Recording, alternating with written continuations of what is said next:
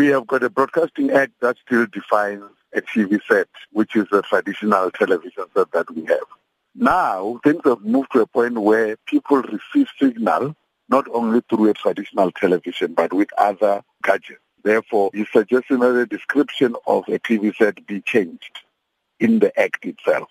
But that doesn't in any way say that we want people to pay to buy a phone or whatever. That's not what we are saying. We're basically saying let's change to accommodate that because the payment of a TV license is not for a gadget called a TV set. It is for the signal. Therefore, anyone who receives the signal using any other gadget needs to then pay a TV license. So julle wil die bewoording van die wet verander. Wat 'n verskil gaan dit maak? It is what the act says. The act talks about a, when you receive a signal, you need to pay TV license for it. It's just that the word TV license confuses people. They think that we are paying because you have got a TV. You are not paying because you've got a TV. You are paying because you are paying for the signal. And all that we are saying is, if you are receiving a signal using any gadget, pay TV license for it. That's all we are saying. Because that is what the Act is saying already now. It's not changing the Act to accommodate it. The only thing that is, is the Act then in itself talks about what a TV set is. And it was done at the time when there were no other gadgets that were used to receive the signal. Op hierdie stadium moet ons nog steeds TV-lisensies betaal. Dit is een van die openbare uitsaaiers se bronne van inkomste. Maar is dit effektief? Werk dit?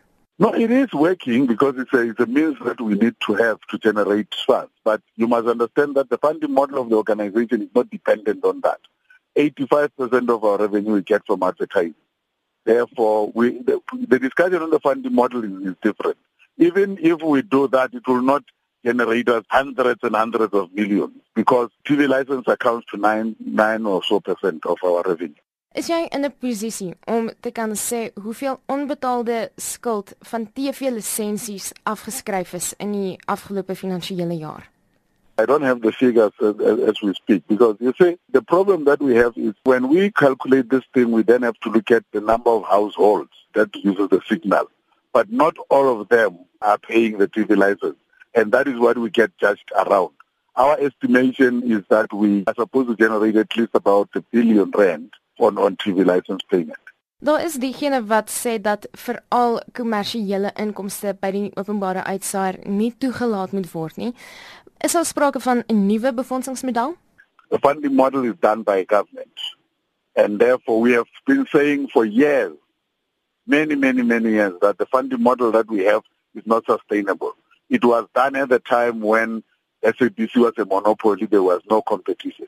Now when there is competition, it is not really sustainable. And we've always been saying that government must put more money into the funding, especially because there's a lot of mandate that we are expected to do, but we are not given the money to, to deal with that mandate.